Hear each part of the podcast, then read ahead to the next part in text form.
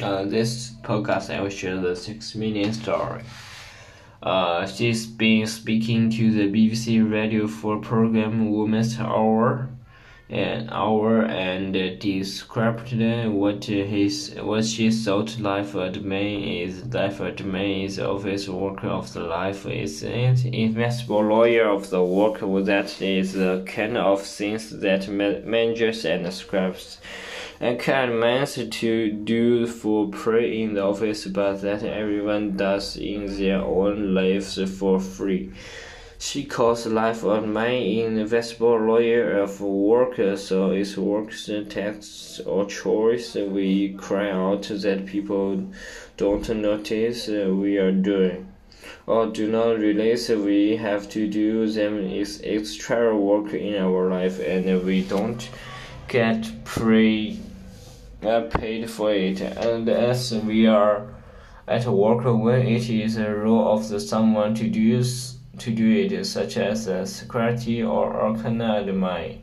Arcan is short of for also known as so the might also be known as admins. That is short for people who do admin turning alternation.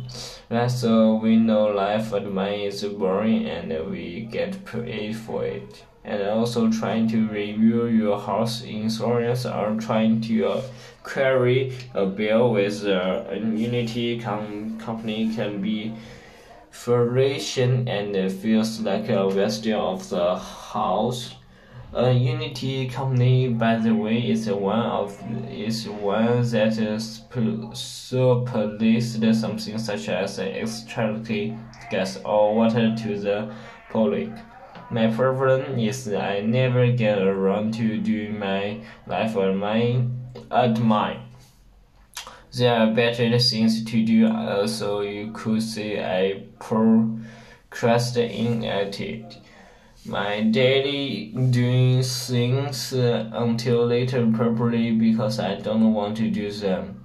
You are watching electric con class fans as and my avoider. So this is where I'm where my to do list comes in my head now.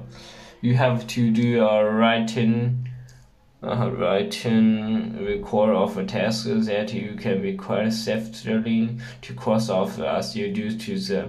This is uh, some This is something some something Alex and Emens has uh, found to work and list uh, for some people. Let's hear about let's hear for her again.